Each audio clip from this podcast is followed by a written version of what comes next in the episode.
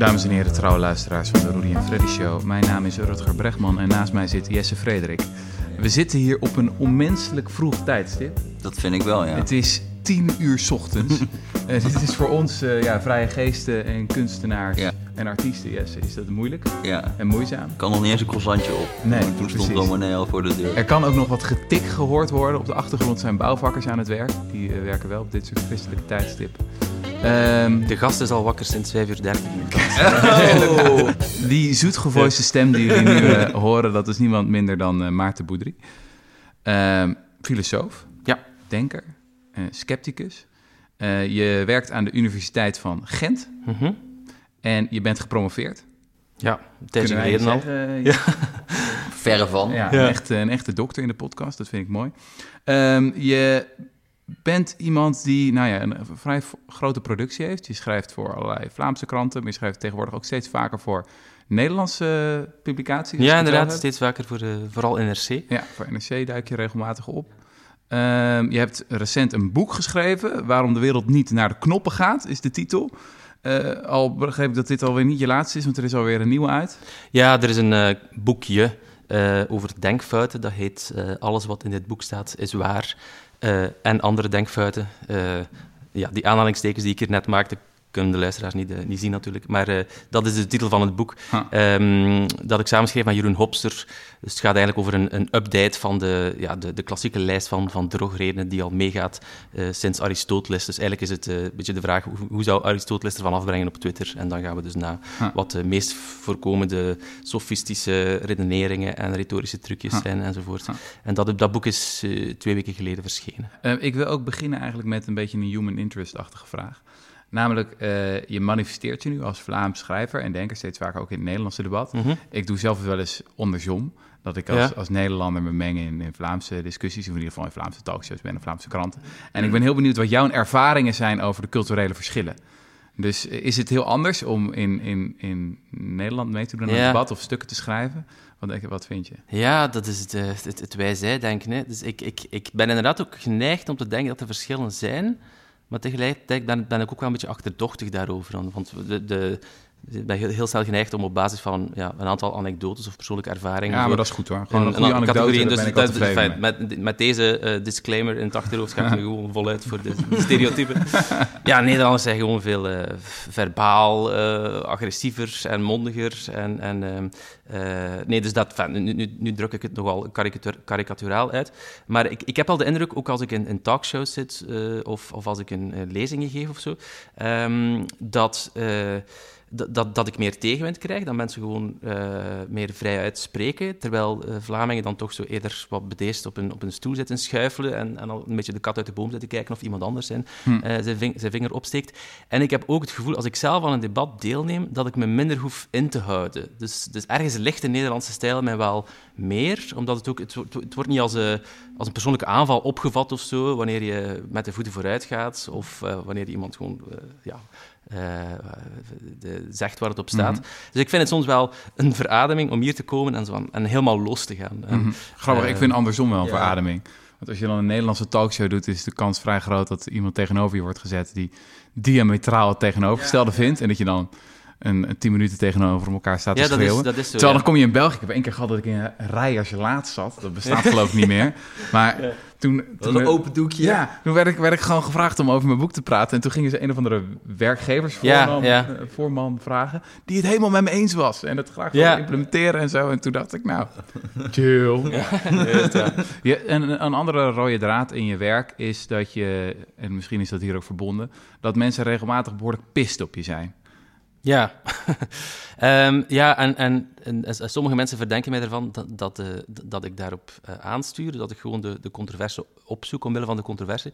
Eh, ik, ik hoop dat dat niet het geval is. Mocht ik mezelf erop betrappen, dan, dan, ja, dan, dat, ik, dat ik een contrarian ben die gewoon telkens tegen de stroom inzwemt, waar die, waar die ook heen gaat, dan, eh, ja, dan, dan, dan, dan, dan, dan zou ik toch iets moeten doen aan mijn, aan mijn eh, denktrand. Eh, dat is trouwens een van de denkfouten die we in, in, het, eh, eh, in het boek bespreken, de, de- waar ik het daarnet over had.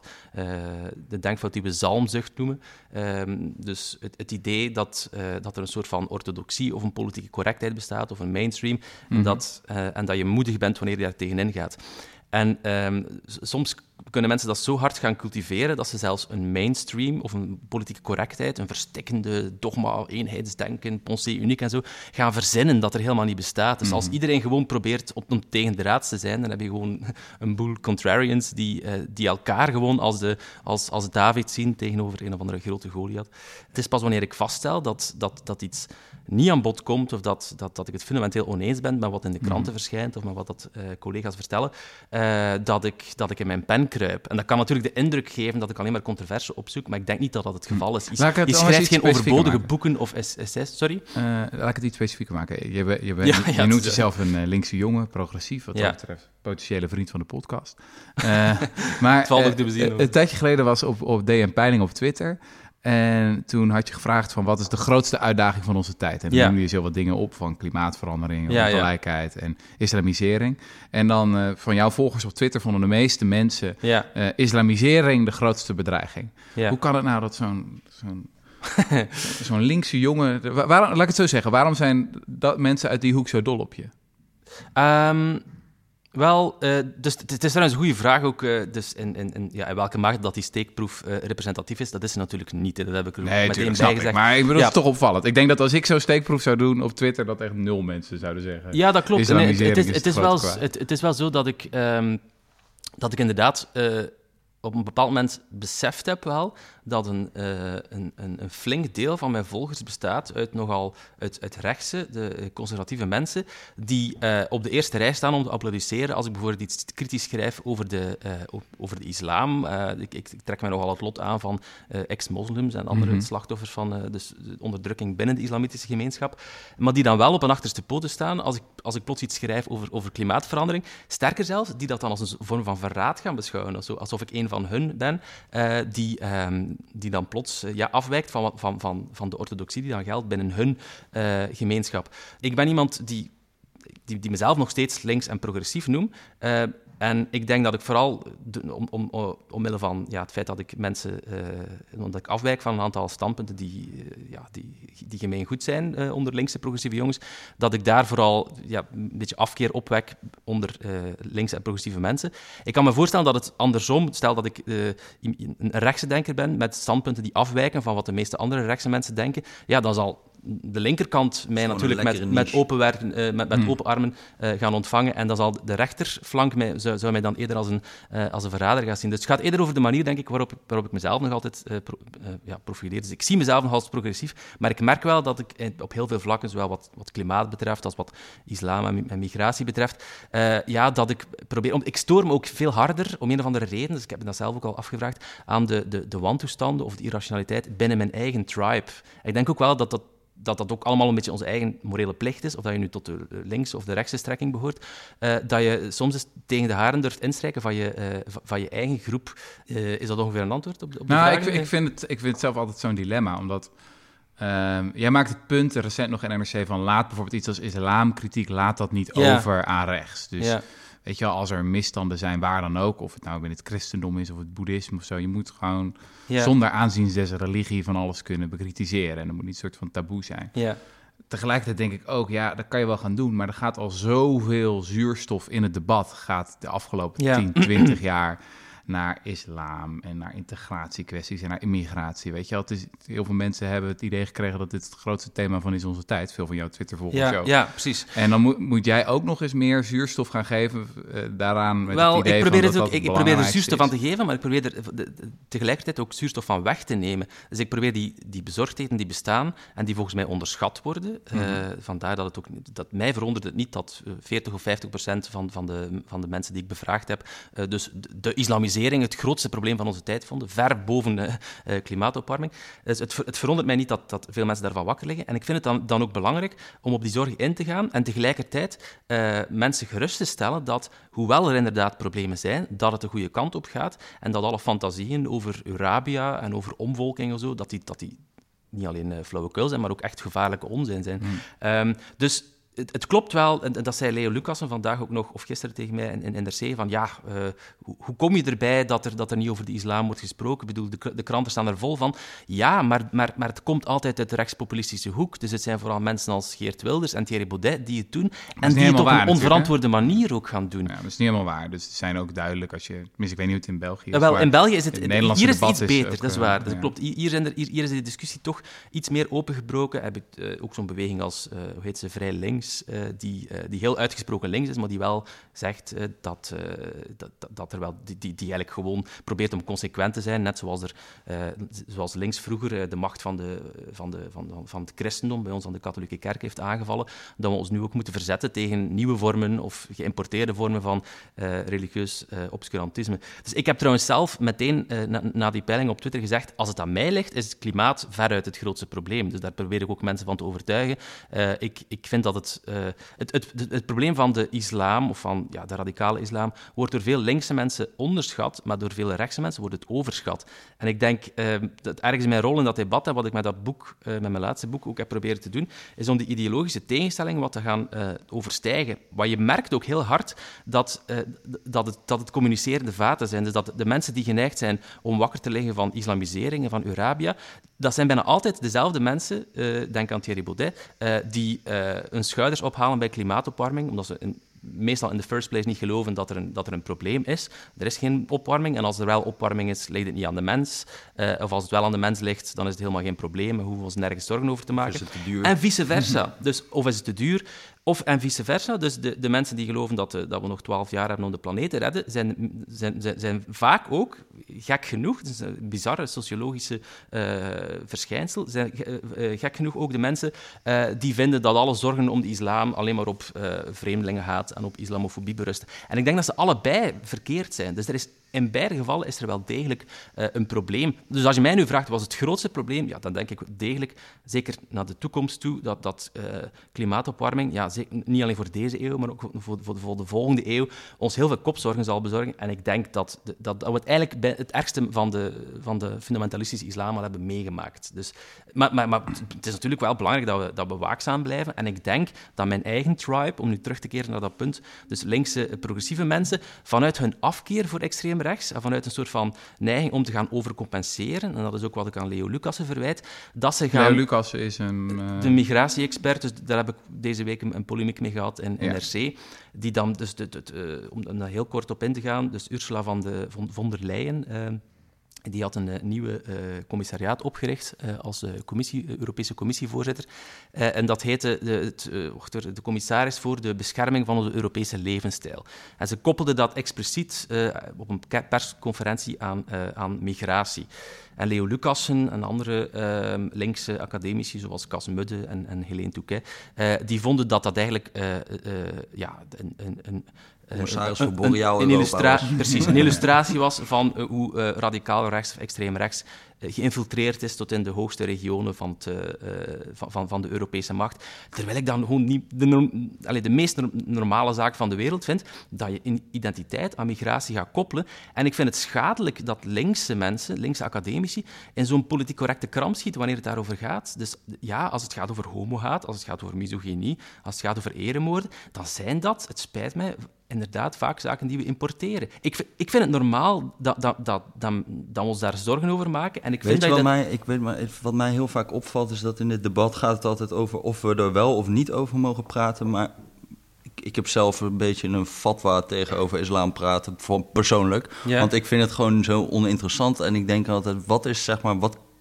wat is wat je voorstelt of zo? Wat kan je eraan doen? Behalve zeggen, we moeten waakzaam zijn. En dan, ja. en dan gaan we het weer hebben of we het erover mogen hebben. En ik vind dat debat zo to totaal ja, boring. Ik heb Wel, soms ook het idee dat het debat zoveel gevoerd wordt... omdat de instapeisen gewoon heel laag zijn. Dus je hoeft niks te weten, je hoeft niks te kunnen. Je hoeft geen boek te lezen. Je hoeft gewoon eigenlijk je hoeft geen enkele titel te hebben, whatsoever. Je kan meteen meedoen. Ja, het is veel eenvoudiger dan het klimaat. Van, zoiets, als, zoiets als eervraag of zo. Ja, oké, okay, ik zie het. Maar dan is het toch gewoon ja, wat, wat, wat, moeten wij, wat moet je eraan doen? Wel, zo? is heel het goed. gewoon Het de- het is een goede vraag. Je kan, je, kan het, je, de, je kan de diagnose stellen. Ik denk trouwens dat in vele opzichten is het iets... Ik geloof niet in, in, in de historische noodwendigheid van vooruitgang, maar ik geloof wel dat er geen enkele reden is om aan te nemen dat de islam immuun zal blijven voor de processen van secularisering en Dus liberalisering. ik zag nu een die in- peiling, die in eh, het christen- trouwens, in, zelfs in Tunesië en in, in zeg maar Noord-Afrika. Ja, dat gaat de goede het kant op. het seculariseren. Ja, absoluut, absoluut. Maar eh, het is natuurlijk... eh, ja, eh,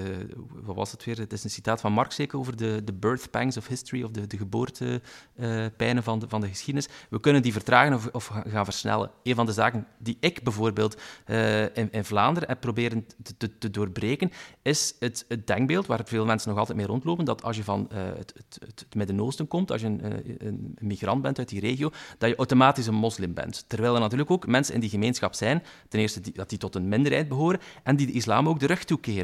Er is sprake op dit moment van een, eh, van een dubbelbeweging, dat beschrijf ik ook in mijn, dus het hoofdstuk over eh, het doembeeld van Eurabia en islamisering. Aan de ene kant zie je dat er een groep is eh, die eh, onder invloed van secularisering en, en, liberaal, en, en, liberale waarden en de westerse cultuur van consumptie en genot enzovoort, die ehm, steeds verder gaat afdrijven van, het, van de tradities van hun, van hun voorouders, die de islam de rug toekeren of die eigenlijk een, een vorm van de islam gaan beleiden die totaal ongevaarlijk is en die geen enkel probleem eh, eh, stelt in onze, in, onze multiculturele samenleving. Maar ja, je hebt ook een andere groep die inderdaad die, die zich gaat terugplooien net op de, op de tradities van, van hun voorouders en die gaat eh, radicaliseren. Dat klopt. Het een sluit het ander niet uit. Het initiële probleem is heel duidelijk de, een aantal mensen die onze maatschappij de rug hebben toegekeerd. Als je nu naar de extreemste gevallen kijkt, de reden waarom mensen naar Syrië en Irak zijn getrokken, is omdat zij eh, het idee hebben opgevat, en we kunnen daar lang over uitweiden, maar dat, denk dat dat hier nu niet, niet de bedoeling is, eh, dat de westerse samenleving eh, verderfelijk is,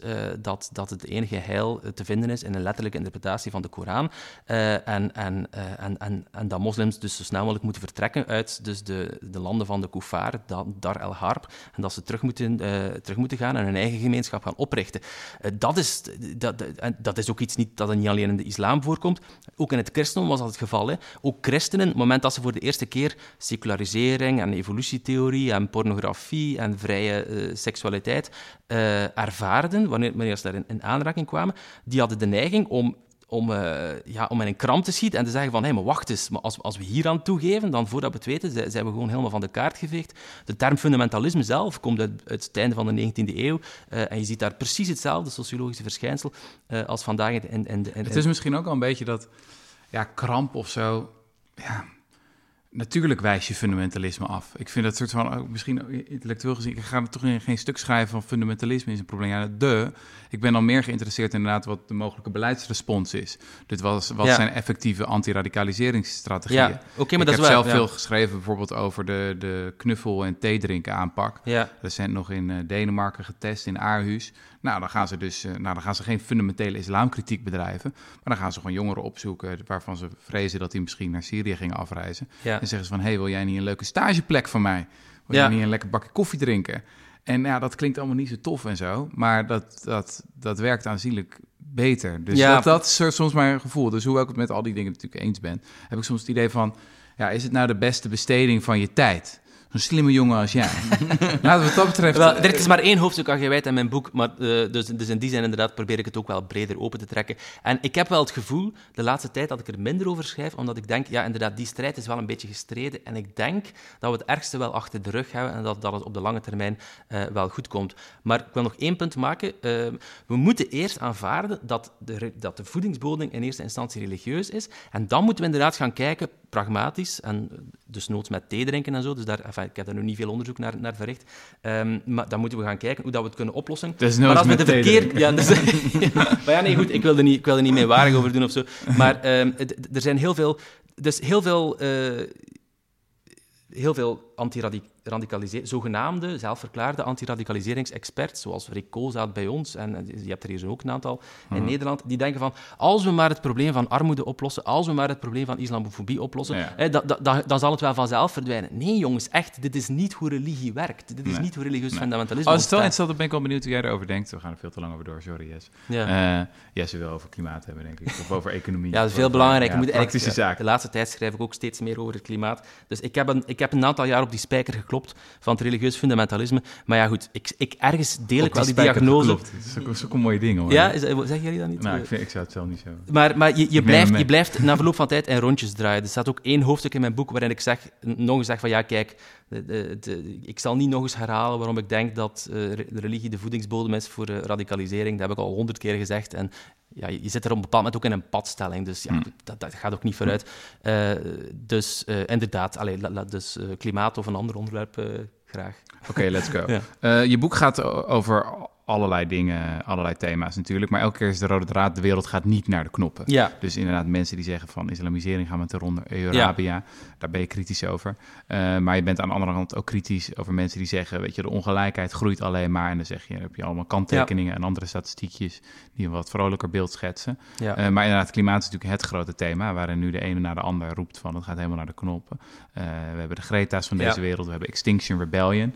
Eh, en je hebt ook een heel hoofdstuk geschreven van, nou, dat valt eigenlijk wel mee. En we hebben Ja. mooie technologieën komen eraan. Kan je kort je betoog samenvatten? Ehm, ja, het- het- ik zeg, dat het, ik zeg niet dat het meevalt. Eh, het is wel minder erg dan, de, de, eh, eh, dan, dan sommige activisten beweren. Dus Extinction Rebellion bestond toen trouwens nog niet toen ik het boek schreef, maar Hmm. er waren toen natuurlijk wel andere klimaatactivisten die, de, die echt bijna apocalyptische re- retoriek gebruikten, zoals dat we nog twaalf jaar hebben om een planeet te redden, of dat, het echt een, ja, dat, er, dat er miljarden doden zouden vallen of zo. Dus nee, zo hard zal, zal, zal het klimaat niet, niet gaan ontsporen.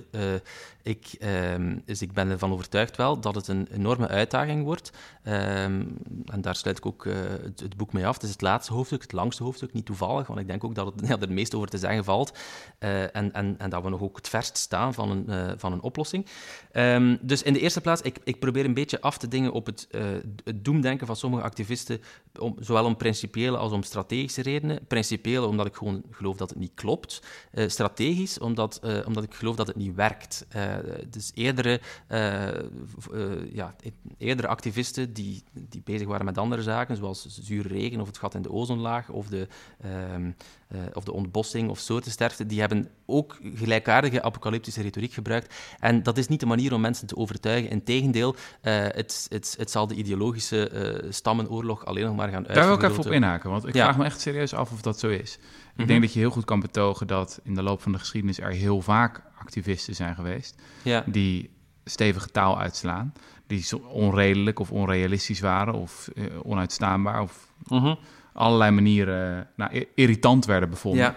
Maar juist doordat ze irritant waren, kregen ze meer aandacht, ging er zuurstof naar de juiste onderwerpen in debat. Ja. Ik bedoel, wat je verder ook vindt van Greta Thunberg en Extinction Rebellion, zijn wel echt oorzaken, redenen waarom we het er nu veel vaker over hebben. We hebben het ook vaak over gehad, Ja. juist in de podcast, dat misschien een van de problemen van links sinds de val van de muur, is dat we de gekkies niet meer hebben, de communisten zijn er niet meer, Ja. die de sociaaldemocraten redelijk hielden. En als je niet meer de druk van de flanken voelt, dan word je Ja. zelf niet meer op scherp gezet. Dus ik snap eigenlijk nooit zo goed waarom je zo...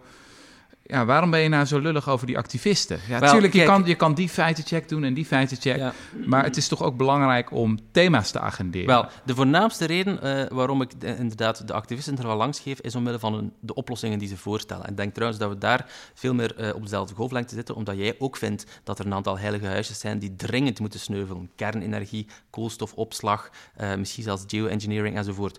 Maar daar komen we misschien straks nog toe. Ehm, los van die oplossingen vind ik inderdaad ook dat een, eh, een, een retoriek averechts werkt. Het klopt, zoals je zegt, dat eh, veel mensen die eh, veel... mensen die voor vooruitgang gezorgd hebben, destijds als, als irritant eh, werden, werden, werden bevonden. Dat waren de, ja, de luizen in de pels, de, de stokenbrands, of eh, de, de- hoe je ze ook wil noemen. Eh, maar je mag het natuurlijk niet omkeren. Dus mensen die voor vooruitgang eh, zorgen, die zijn irritant, maar niet iedereen die irritant is, zorgt voor vooruitgang. Eh, ik denk in dit geval, inderdaad, er wordt meer over gepraat, maar op welke manier wordt er over gepraat? Voor een kleine eh, minderheid, ehm, want hoeveel miljoenen mensen er ook op de been worden gebracht door Greta Thunberg, het blijft een fractie van de bevolking. Hè?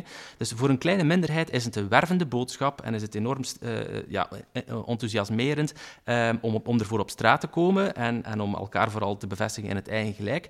Maar wat dat je vooral ziet, is dat er bij, een grote, eh, bij, de, grote meerderheid eh, niet alleen een gebrek aan enthousiasme bestaat, maar dat, dat ze van de weeromstuit uh, zich meer gaan uh, terugtrekken en hun eigen gelijk, dat de, de, de, de, klimaatontkenners en de klimaatskeptici en de lukewarmers, de lowwarmers enzovoort, steeds harder bevestigd worden in een overtuiging van het is alleen maar een excuus om het kapitalisme te gronden te richten, het is het zoveelste apocalyptische verhaal na zure regen en het gat in de ozonlaag en, wat weet ik nog allemaal aan de Club van Rome. het is gewoon ja, een, een, een, de hippies die terug willen naar de harmonie met natuur enzovoort. En dat is spijtig, want als we een oplossing willen voor het klimaatprobleem, dan volstaat het niet alleen om gelijk te hebben en om elkaar te bevestigen in het gelijk, maar ook om gelijk te krijgen. Eh, je zegt het zelf in het laatste stuk dat ik op de trein eh, hier naartoe heb gelezen. We moeten een grote meerderheid meekrijgen van mensen uh, voor een koolstofbelasting bijvoorbeeld. En het is, het is absurd om te, om te beweren, zoals klimaatactivisten doen, dat we dat we uh, de, de, kool en de geit kunnen sparen. Dat we, dat we alles kunnen verwezenlijken en dat het nog banen zal opleveren en dat het allemaal uh, fantastisch zal zijn en, uh, en, en, en, en, dat er onze mooie toekomst te, tegemoet lacht en zo. Nee, we zullen, we zullen offers moeten brengen. Er zal, er zal inderdaad bijna iets nodig zijn dat vergelijkbaar is met de, met de mobilisatie tijdens de Tweede Wereldoorlog. En ik geloof, vandaar ook dat mijn pleidooi voor technologische innovatie, dat er andere manieren zijn, andere strategieën om voor klimaatstrijd te pleiten die er veel beter in slagen om die ideologische tegenstelling te overstijgen. Dit is gewoon een concreet probleem dat ons allemaal aanbelangt en dat we gewoon moeten oplossen. En technologische innovatie is een manier om die kloof te eh, overstijgen. Om te zeggen van, kijk, laten we nieuwe kerncentrales bouwen, laten we nieuwe uh, batterijen ontwikkelen, laten we nieuwe vorm van hernieuwbare energie gaan ontwikkelen. Laten we misschien zelfs denken aan koolstofopslag en aan uh, geoengineering. Daar komen we misschien nog toe. Um, en, en ik geloof dat dat een veel betere strategie is om, uh, om het probleem op te lossen. En wil dat nu uitgerekend de strategie zijn waar klimaatactivisten niets van willen horen. Dus wat denk jij? Maar wat is, de, wat is de soort van strategie? Want stel, nou, nu hebben we bijvoorbeeld in Europa koersen af op 43% CO2-reductie. Dat moet naar 55%. Ja. Wat moet een burger dan gaan doen, zeg maar, als hij dat wil gaan bereiken? Jij zegt, we moeten... Ja ja, ik denk dat het goed is dat je de straat op gaat. En dat Greta dan zegt, we moeten naar 0% in 2030. Dan denk ik ook van, ja, dat is helemaal knetterwous natuurlijk. Dat gaat nooit gebeuren. Ja. Maar uh, wat maakt het ook uit? Ik bedoel, je kan, je kan gewoon een beetje onredelijke dingen eisen. En misschien krijgen we daardoor 55%. Ik denk gewoon, wat is uiteindelijk de benefits? Ja, ik denk dat het echt wel helpt als er meer mensen op straat staan om, om, daar, om daar om te eisen. En je kan dan zeggen: Oké, ik denk dat, uh, dat, dat, dat dat averechts werkt. Ik vraag me dan af, waar meet je dat dan af? Als ik mhm. kijk naar peilingen, zie je dat klimaat juist alleen maar urgenter wordt. In Nederland in ieder geval. Ik weet niet hoe het is. Maar ik meet het vooral in de verkiezingen af. Hè. Dus kijk, kijk hier naar hoe Thierry Baudet het, uh, het verzet tegen de klimaatbeweging... 90% van het electoraat. De, ja. de, grootste gedeelte. We hebben nu de VVD. Ja, maar hoe, hoeveel heeft, hoeveel heeft GroenLinks ten opzichte van Baudet? Ja, maar dat, dat is toch niet hoe je het meet? Je gaat toch over de, over de mensen die regeren. Niet over GroenLinks regeert niet en Baudet regeert niet. Prima, maar de mensen die in het midden zitten... die hebben net een klimaatakkoord afgesproken... en die zijn heel hard bezig om er iets aan te doen. Het is juist die VVD en de CDA, gewoon de middenpartijen zelfs rechts, ja. Uh, die, die nu gewoon helemaal achter klimaat staan. Die willen, Rutte wil 55% reductie in Ja, tien jaar geleden was de VVD nog bezig, dus de conservatieve partij in Nederland was nog bezig met klimaatontkenning. Dus dan had je het wetenschappelijk bureau wat heet die stichting ook weer? Ja. De Wappie Stichting. Ja. die waren gewoon echt nog serieus geïnteresseerd in van, nou, is het, is het wel echt, is het niet de zonneactiviteit en zo. Ja. En nu, tien jaar later, heeft, heeft de premier van Nederland zegt van, nou ja, we worden niet meer de Vroompartij, maar de Zoompartij. Dit wordt de grootste verbouwing van ons land. Dus dat is duidelijk politiek succes. En Juist, maar het zijn vooral mooie woorden natuurlijk. Ik denk echt wel dat druk van onderop daar... Nee, nee, nee het, wordt, het is nu echt gewoon een duidelijk akkoord. Allerlei partijen zijn uh, om tafel gekomen. Juist. Maar, dus dat is misschien een beetje in een brede zin... Ik, ik, vond, het, ik vond het echt een heel goed boek, hoor. Um, maar in de brede zin wat ik mijn probleem er een beetje, beetje, mee was, is dat je de hele tijd de boodschap hebt van mensen zeggen dat het heel slecht gaat. Mm -hmm is eigenlijk niet zo. Kijk maar naar dit feitje, dat statistiekje. En je hebt het op een gegeven moment over de wet van behoud van gezeik. Dus mensen zijn nooit tevreden. Weet je wel, als, uh, als, als er bijvoorbeeld minder gepest is, dan uh, op, gepest wordt op scholen, dan passen ze de definitie van pesten aan. Weet je wel. En zo is er altijd wat. Maar dan denk ik, ja, maar dat is vooruitgang. Gezeik is Ja, dat vooruitgang. is zo, maar dat, hebben dat zeg ik er ook letterlijk nodig, bij in die paragraaf van... Het is, het is belangrijk dat we ook aan morele ophoging doen, dat we onze standaarden steeds opnieuw gaan opkrikken, zolang dat we ons daarvan bewust zijn, zolang dat we dat, dat, we dat in ons achterhoofd houden van... Het, het, het is niet de, de, de- de wereld die blijft stilstaan, nee, het is wij die gewoon steeds hogere standaarden stellen aan, de- aan, aan de wereld. Maar hoezo moeten we ons daarvan bewust zijn? Maakt er niks uit? Omdat je, anders de, omdat je anders de indruk Maar krijgt dat dat, het allemaal even erg blijft. Dan ga je, doet een bizarre standaard ja, wacht. stellen. Maar ik wil nu eerst heel kort op dat punt. Anders eh, wek je de indruk dat racisme nog even erg is als vroeger. Dat er nog even mili- veel milieuvervuiling is als vroeger. En dat klopt gewoon allemaal niet. Het En is toch niet zo en- erg als mensen dat denken? Jawel, want het leidt tot fatalisme. Dus als je gelooft dat er geen enkele vooruitgang geboekt is, dat er nog steeds evenveel armoede en racisme en geweld en oorlog is als vroeger, waarom zou je dan nog gaan inspannen? Dus als je, als je bewust Je bent van het feit van, dat kijk, het die standaarden om, op omhoog krikken, Ja. dat daardoor juist actie komt. Dus dan, ja, dan maar mensen juist beseffen niet dat de stam- standaarden worden opgekrikt. Dus ze, ze, ze krikken mooi de standaarden ook. wel Daardoor op. wordt het beter. Hm? Dat is toch goed? Want daardoor wordt het beter. Als ze zegt dat zo. Nee, maar er is ook, zowel bij racismebestrijders als bij armoedebestrijders, zie je bepaalde vormen van fatalisme die volgens mij voortspruiten uit het onwetendheid over de, over de morele ophoging. Dus het feit dat we, eh, dat, dat, wat, wij nu als armoede definiëren hier in, in Nederland en, en België, is, is, totaal onvergelijkbaar met wat de armoede 50 of 100 jaar geleden was. Het is belangrijk dat we ons daarvan bewust worden. Het is belangrijk dat het racisme waar we vandaag over spreken, dat ook belangrijk is, de microagressies en de vormen van impliciet eh, racisme enzovoort, die moeten bestreden worden. Maar laten we alsjeblieft denken waar we vandaan komen en, en, en, en niet, niet gaan vervallen in een soort van eh, ja, ja, van gezeik, inderdaad, van het blijft altijd even erg en er is helemaal geen vooruitgang geboekt. Ik heb juist zoiets bij al die vooruitgangsdenken dat ik het gevoel heb van, ja, het gaat toch wel vanzelf. Je hebt zo'n soort grap over economen van, eh, loopt een econoom over straat en die ziet 100 euro liggen en die loopt er gewoon voorbij en die pakt hem niet op. Ja. Dan vraagt iemand, waarom pak je die 100 euro niet? Toen zei nou, als het echt 100 euro was, had de vrije markt hem al opgepakt. dat, heb je, Ja, ja. dat heb je een beetje ook met die vooruitgangsmensen van, ja, waar komt dan die vooruitgang vandaan? Dat Wel- is toch juist gewoon, het is, het is niet vanzelf allemaal. Natuurlijk, maar ik pleit ook, let op, ik, ik pleit voor praktijktests tegen raciale discriminatie. Ik pleit voor een nieuwe aanpak van armoedebestrijding. Eh, dus mijn hele punt Mm. over vooruitgang sluit niet uit dat ik, dat ik heel letterlijk, en, en, en dat, dat is wat ik je wel eh, eh, eh, verwijt, Rutger, dat je niet alleen naar mij toe, maar ook naar Steven Pinker en naar andere mensen, dat je ons afschildert als mensen die geloven dat vooruitgang vanzelf gaat. En we mogen dan nu honderd keer of duizend keer herhalen dat vooruitgang geen historische noodzakelijkheid is, dat het mensenwerk is, dat we er hard voor gevochten hebben, dat het geen garantie is dat het in de toekomst zal blijven gebeuren, dat we goed moeten nadenken. En toch blijven we op dat verwijt botsen van, ah, maar je gelooft Maar we zich dan al wel mechanismes hebben. Dus je zegt er, er, er is vooruitgang. Ja. Waardoor, waar komt die dan vandaan? Als het, dus je zegt zo'n Greta, dat is, dat is geen goede zaak bijvoorbeeld. Wel, Dat is onredelijk. Dat is, eh, Dat is inderdaad, dus ja, ik, ik geloof wel, ehm, dus er moet strijd geleverd worden, maar er moet op de juiste manier strijd geleverd worden. Ik denk trouwens, ik, ik, ik, ik denk dat ik daar niet eens zo ver afwijk van het punt dat jullie in een eerdere podcast hebben gemaakt. Er wordt in het klimaatactivisme veel te veel gesproken over schuld en boete. Over wat dat we individueel fout doen, dat we te veel vlees eten, dat we te veel Ja. het vliegtuig nemen enzovoort. En dat, is allemaal, dat zijn allemaal zaken waarbij dat we ons blikveld enorm gaan verruimen en een beetje de houding aannemen van, ja, jongens, als de wereld naar de knoppen gaat, het zal niet aan mij gelegen hebben hoor, want ik, eh, ik ben mooi thuisgebleven en ik heb mijn afval gesorteerd en geen plastic gebruikt enzovoort. We moeten eh, het mondiale plaatje gaan bekijken. Zelfs, het volstaat zelfs niet dat we op het niveau van landen of van het Europese continent gaan denken, maar zelfs dat is een vorm van navelstaren. Als we nu kijken... eh, economisch gezien, naar ontwikkelingslanden, dan zien we wat dat wij ook gaan doen vandaag. De energiebehoeften in de wereld die zullen nog gigantisch toenemen. Dus zelfs als wij eh, een, een, een, allee, een, eh, een inspanning leveren die eh, op dezelfde hoogte staat als, het, als mobilisatie tijdens de Tweede Wereldoorlog, dan kan het nog altijd zijn dat, dat, er, dat, dat het een druppel op een hete plaat is, zolang dat we landen als China en Indië en Afrikaanse landen niet gaan meekrijgen. Dat is dan voor, dat is voor mij de voornaamste reden om te zeggen, technologische innovatie is een veel belangrijker eh, punt, om, om, omdat we bij technologische innovatie ook een spillover effect kunnen creëren en, en ervoor kunnen zorgen dat niet alleen hier minder wordt uitgestoken, maar ook elders ter wereld. En dat vind ik heel spijtig bij de klimaatactivisten, dat je ziet dat er... Dat er dus het, de strijd die ze leveren is inderdaad legitiem. Ze hebben de wetenschap aan hun kant. Het, het is een gigantisch probleem. We moeten naar de uitstoot naar nul brengen. Dat zegt het IPCC. Da- da- Daar is, daar is iedereen het erover eens. Maar hoe gaan we daar geraken? Gaan we daar geraken door een individueel verhaal van schuld en boete te gaan prediken? Gaan we de, eh, een, een aantal individuen of bedrijven gaan verketteren? de fossiele boosdoeners enzovoort?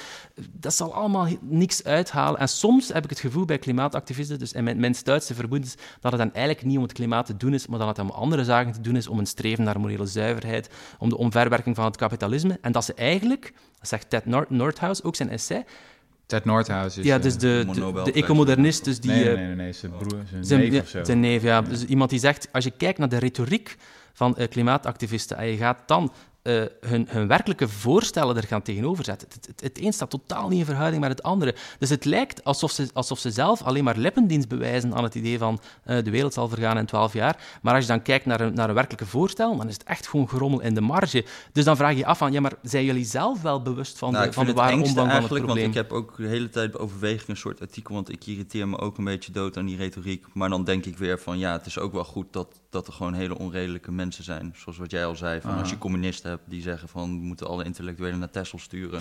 ja, dan, dan, dan, dan krijg je op een gegeven Dat moment houdt ons de, een beetje scherp. Ja, dan krijg je de AOW. De Overton, de ja. Overton window, Ja, precies. Dus, dus dat. Maar tegelijkertijd heb ik ook wel een beetje het idee van... Ja, hoe weinig concrete voorstellen er dan zijn. Dat is gewoon echt schokkend. Eh, eh, we, we, we hebben die Studio Energie podcast hebben we hier in Nederland. Dat is, een, is, eh, Remco de Boer. En die interviewt elke keer gewoon mensen die in die energiewereld zitten. Een hele goede podcast, moet iedereen luisteren. En die had nu iemand van Extinction Rebellion daar. En die zegt dan, we moeten in 2025 klimaatneutraal zijn. Nou, Ja. volkomen sjoggen natuurlijk. Ja. Maar dan, hij gaat daarop doorzagen en vragen: wat wil je dan? Zegt hij ja, niet Schiphol uitbreiden. Niet Schiphol uitbreiden. Ik bedoel, je kan Schiphol sluiten en je Ja, kan ja. eh, het hele boerenbedrijf in Nederland eruit flikkeren. En ik weet niet Ja, wat en dat- daarna zei bedoel, hij herbebossing. Herbebossing, ja, die wil dat in zes jaar doen? Ja. Ja, en, ook, Ja, en zelfs al zouden we Schiphol sluiten, op dit moment, eh, als ik me niet vergis, zijn ze in China 160 nieuwe luchthavens aan het bouwen. Dus dat is, dat is bijna... Het- het cijfers om, om, om, bij, om bij te duizelen. Ja. Dus, dus als, als wij... Het, de- vandaar ook dat het... En dat is het grote verschil, denk ik, met de mobilisatie tijdens de Tweede Wereldoorlog. Dat was geen, geen, geen tragedie van, Technisch. van de gemeente, eh, of, of wat is de vertaling? The Tragedy of the Commons. Ja. Eh, dus dus eh, daar was het heel duidelijk dat ja, als, als de Amerikanen de oorlog niet zouden voeren, ja, dan zou het, het hele Europese continent in de handen van de nazi's vallen. En het was heel duidelijk dat ja, ook de Amerikaanse samenleving er belang bij had, zeker na Pearl, Pearl Harbor natuurlijk. Eh, bij het klimaat is het helaas zo dat, dat ja, zelfs als wij een onvoorstelbare mobilisatie gaan uitvoeren, ja, dan kan het nog altijd zijn dat onze ergste doemvoorspellingen uitkomen, zolang dat we de rest van de wereld niet meekrijgen. Dus dat, dat blijft het enorme morele dilemma waar, waar- waarvoor we nu staan. Ik hoop Ja, dat het van- kan doorbroken worden met technologische innovatie, dus kerncentrales, eh, koolstofopslag en zo. Vandaar dat ik en ik meen dat ook echt, dus dat is niet zomaar om te provoceren. Ik geloof dat klimaatactivisten op dit moment bijna een, eh, eh, eh, grotere hindernissen zijn voor een effectief klimaatbeleid dan de ontkenners. De ontkenners, zoals je zelf zegt, die worden steeds meer gemarginaliseerd. Daar luisteren mensen bij- bijna niet meer naar. Maar de kl- klimaatactivisten die banvloeken uitspreken tegen kernenergie, nu zelfs tegen koolstofopslag, tegen economische groei enzovoort, dat is allemaal, allemaal verkeerd. Dat is volgens mij het, het, het, het, het echte probleem. En ik ben wel, en dat moet ik toegeven, in de maanden na de publicatie van mijn boek ben ik iets pessimistischer geworden in die zin dat ik geloof dat onze... eh, dat, dat de doorbraak in technologische innovatie en dan natuurlijk de implementatie daarvan en, en, en, en de tijd die dat in beslag zal nemen, dat dat eh, te laat zal zijn om dus ehm, ja, al die tipping points te gaan vermijden en dat we tijdelijk gezien eh, gaan moeten onze toevlucht nemen tot wat ik de, de planetaire noodrem noem. Eh, dat komt dus neer op het eh, besproeien van de atmosfeer met krijtdeeltjes of, eh of, of Iets wat zwaveldeeltjes. heel veel wetenschappers als extreem risicovol zien. Wel, het, is, het, het voordeel eraan is dat we, we weten vrij goed eh, wat het effect ervan is, want het is al talloze keren in de geschiedenis van de planeet gebeurd. Het is precies wat vulkanen doen. Dus vulkanen die, die spuiten gewoon eh, duizenden tonnen zwavel in de atmosfeer en dan krijg je dus een global cooling effect. Ja. Dus ik ben er zeker Omdat ik ben er het geen licht voorstander van de van. zon wordt Ja, gereflecteerd. dus het, het, echt wordt, het eh, gedimd. Dus rechts de bron van, van de warmte wordt gewoon voor een deel weggenomen. Het is een vorm van symptoombestrijding. Dus er zijn een aantal zaken die je er niet mee oplost, zoals de verzuring van de oceanen, want die is rechtstreeks gekoppeld aan het CO2-gehalte en niet aan de opwarming. Eh, het is iets dat je moet blijven doen, want als je er plots mee stopt, dan, ja, dan, dan, eh, dan, dan, dan ontploft het zaakje weer. Dan schiet de temperatuur meteen weer omhoog. Eh, maar het is nog altijd, denk ik, er zal een punt komen, denk ik, dat, we, dat we er noodgedwongen moeten, moeten aan beginnen, omdat het minder erg zal zijn dan de gevolgen van de, van de opwarming zelf. Hmm. Dus het is nog altijd niet het einde van de wereld, verre van. Er zijn geologische periodes geweest waar het CO2-gehalte vijf tot zes keer zo hoog lag als vandaag. Er was toen uiteraard ook volop leven. Dus het is niet dat een planeet die vijf, zes graden warmer is, per definitie onleefbaar is of zo. Het is wel zo natuurlijk, ja, onze megasteden, die liggen bijna allemaal aan de oceaan. Dus ja, dat wordt een gigantische operatie om daar ofwel hmm. dijken te bouwen of die hele steden te gaan verhuizen.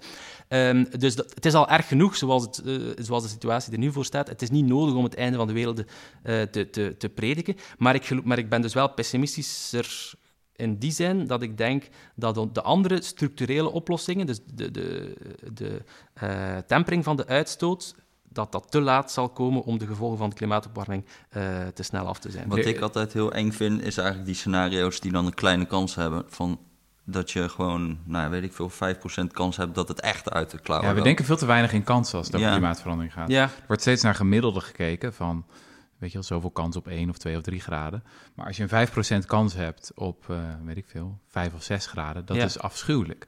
Of zelfs, maar, zelfs maar een halve procent. Hè. Dus als, als, het maar, enfin, als je dus uh, denkt in termen van uh, expected utility ja, en verzekering enzovoort, dan is een, is een, een, een minieme kans. Ja, mensen nemen een, een brandverzekering, niet omdat ze denken dat hun huis gaat afbranden, maar ja, het, maar ik, het, het, moest maar eens gebeuren. Als je het hebt over zeespiegelstijging bijvoorbeeld, ik werk nu aan een stuk daarover.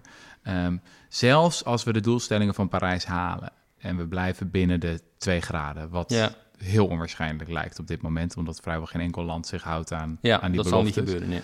Nee. Um, zelfs als we dat doen, dan is er een kans dat we in 2100 al op 2 meter zeespiegelstijging zitten ja. in Nederland. Niet een hele grote kans, maar dat kan gebeuren. Stel dat we het niet halen, nou, die kans is dus vrij groot. Dan heb je het mogelijkheid in het worst case scenario op 3 op drie meter in 2100 en 5 tot 8 meter in 2200. Dat zijn de laatste projecties van het KNMI. Als je het hebt over dat soort aantallen, ik heb een reeks experts gesproken, die zeggen, nou ja, weet je, tot 2, 3 meter redden we echt wel. Dan moet je heel extreme maatregelen gaan nemen, wordt heel mhm. duur, maar kan. Maar ja, vanaf 4, 5 meter, ja, op een gegeven moment dan is het gewoon dan einde verhaal. de, de, Randstad is, gewoon, is een badkuip van 6, 7 meter diep. Die loopt vol. Het is dan klaar. Ja. Uh, maar ja, goed, dat is En dat is zijn... Ik bedoel, ik zeg niet dat dat, uh, weet ik veel, dat dat 50% of 60, ja. 70%... Maar er is een kans dat dat gaat gebeuren. Ja. Uh, ik, ik, en alles is wel weer dat ik dan denk, ja, dingen tot één... Uiteindelijk gaat heel veel over hoe je, wat je denkt dat technologie gaat doen, toch?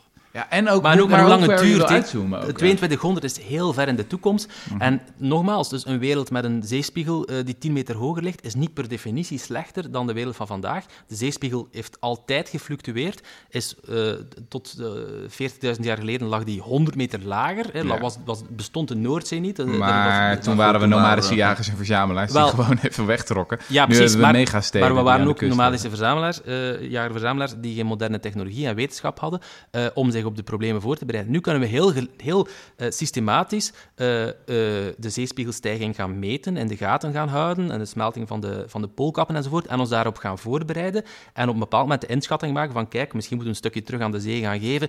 Um, dus al, klimaatopwarming, mocht, mocht klimaatopwarming beperkt zijn tot stijging van de zeespiegel, dan denk ik eigenlijk nog dat het relatief meevalt. Ook omdat die zeespiegelstijging, die zal niet abrupt gebeuren. Dat zal sowieso aan een tempo blijven van millimeters of misschien centimeters per jaar. Dat is al heel snel.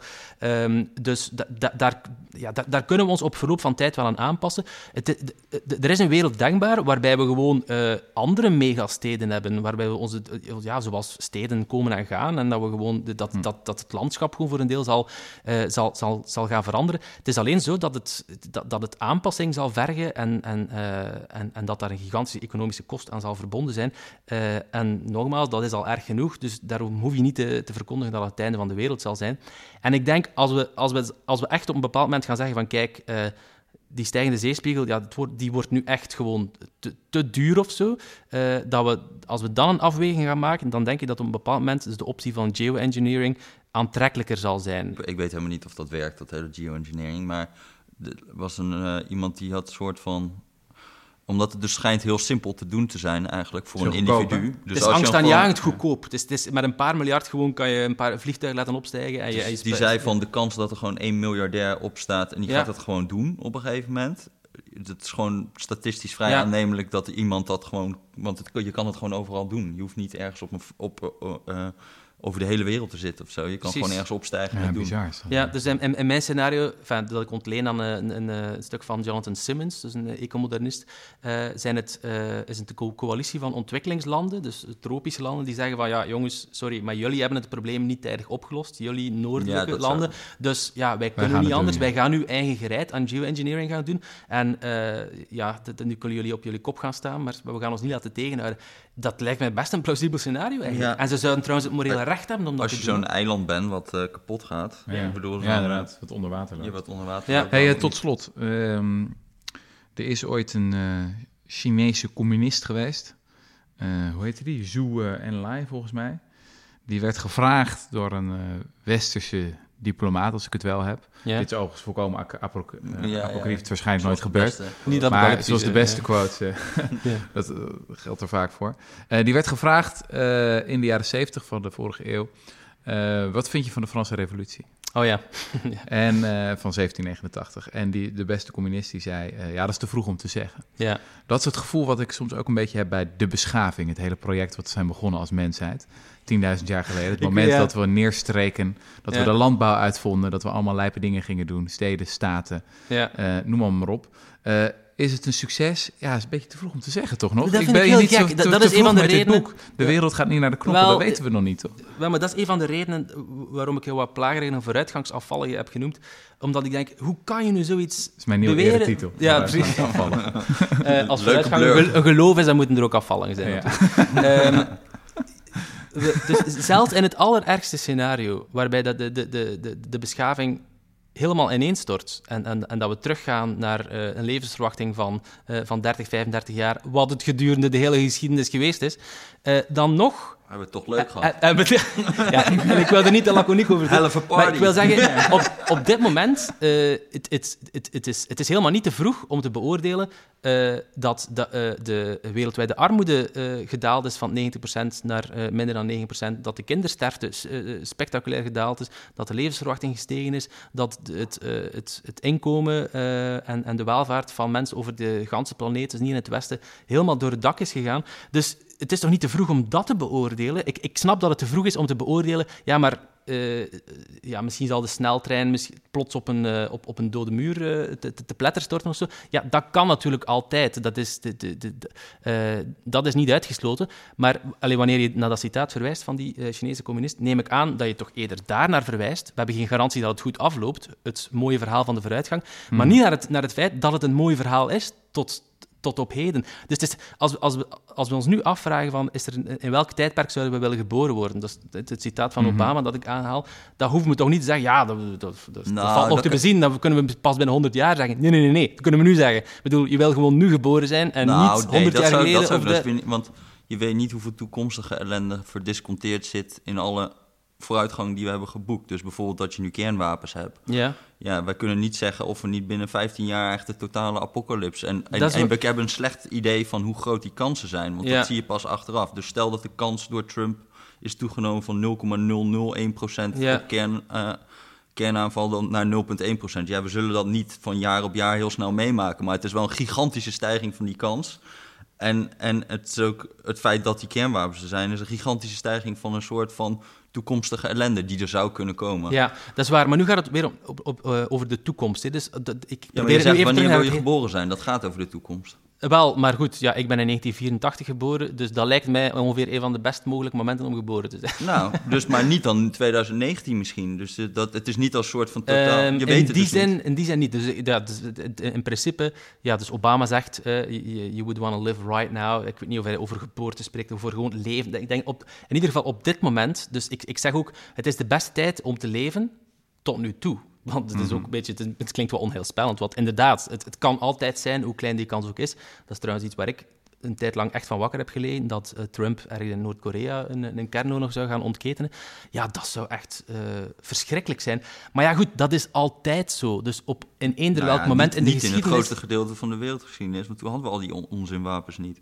Maar nee, maar toen, toen, eh, toen gingen er ons allerlei andere vormen van onheil boven het hoofd, waar we zelfs helemaal niks konden tegen doen, zoals natuurrampen en asteroïden. En het grote verschil met vroeger is natuurlijk dat we de meeste van die oorzaken heel goed in kaart kunnen brengen en dat we er ook iets tegen kunnen beginnen eh, en, dat, en, en, en, dat ze dus, en dat we niet, vol, niet helemaal onvoorbereid zijn. En dat geldt dus ook voor klimaatopwarming. Dus onze voorouders, die ook al eh, CO2 uitstoten en, en, en aan eh, de vernieling van de, van, de, eh, van de biosfeer deden, die hadden geen flauw benul waar ze mee bezig waren. Wij, en vandaar ook mijn oproep dat we meer ambitie nodig hebben en dat we niet de menselijke beschaving moeten gaan verketteren en zelfs niet onze de vraag stellen of het misschien eh, wel een goed idee was geweest. Eh, wij verkeren nu in de mogelijkheid om het probleem te onderzoeken, om te weten, wij weten, dat is zo fantastisch dat we weten dat wat CO2 is, welke rol het speelt in onze atmosfeer en ook wat we er wat we ermee kunnen doen. En we kunnen het probleem ook geleidelijk gaan, gaan opvolgen. Dus dat IPCC dat zal blijven rapporten publiceren en we zullen gewoon van jaar tot jaar kunnen zien van kijk, ehm, ja, welke opties ervoor liggen.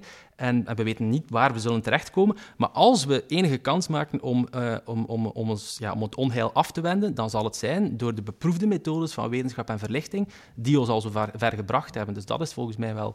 eh, Enfin, ook in dat opzicht, denk ik, is dit een ongezien tijdperk in de geschiedenis dat, de, eh, eh, dat we voor het eerst het onheil dat ons boven het hoofd hangt kunnen afwenden. Onder die optimistische noot Ja, sluiten wij deze podcast. Eh, Maarten Boerderie, hartelijk dank voor je komst naar graag het, gedaan. het verre Dank voor de noorden. uitnodiging. Sorry, is er nog wat te promoten? Ja, er is wat te promoten, Ja. Jesse Frederik. Oké. Ehm, bij ons in de studio zit natuurlijk ook altijd onze podcastmaker, Romane Rodriguez. En die heeft echt een fantastische, fantastische podcast die eraan zit te komen. Nee, is echt serieus volkomen fantastisch. Ik, ik heb hem nog niet geluisterd, maar ik bedoel, als ik moet afmeten aan, aan wat je doorgaans produceert. Eh, De podcast heet De Wereld van Jan de Man. En misschien kan je het beste zelf even vertellen waar het, waar Gooi het even over gaat. microfoon hier richting. Zal ik de microfoon even jouw richting in doen? Oké, daar komt hij. Ja, hallo, daar ben ik. Hey, Romane. Hey, Leuk jou eens te horen in deze podcast. Ja, Eh, ja, waar die over gaat. Het is eigenlijk, eigenlijk werd mij de vraag gesteld: wil jij iemand spreken uit de drugscriminaliteit? Ja. En toen dacht ik: yes, hell yeah. Maar, eh, en toen had ik iemand gevonden, maar die eh, zei: ja, maar je gaat geen sensatieverhaal van me krijgen. Toen dacht ik: oh, Jawel. jammer. jammer. Kut, hoe ga ik dit voor elkaar krijgen? Nou, dat ga je horen. Oké. Zo. Alright, alright. De podcast heet dus Jan de Man. Je kan je nu abonneren in de, de iTunes gebeuren of al die andere podcast apps. Ja. Eh, moet je zeker doen. is een tip van, een tip van de Rudy en Freddy show. ja. Ligt jouw boek nog ergens te koop? Of, Ja, maar of die, is die al uit de handel? ja, maar die heeft geen promotie Dat is in de ramp. Die gaat wel lekker. Eh, het boek van Maarten, dat heet dus Waarom de wereld niet naar de knoppen gaat. Hoogstwaarschijnlijk. Eh, Mocht het toch gebeuren, geld terug. ja, geld terug. Lekker. Eh, tot de volgende keer. Toedeledokie. Dat ben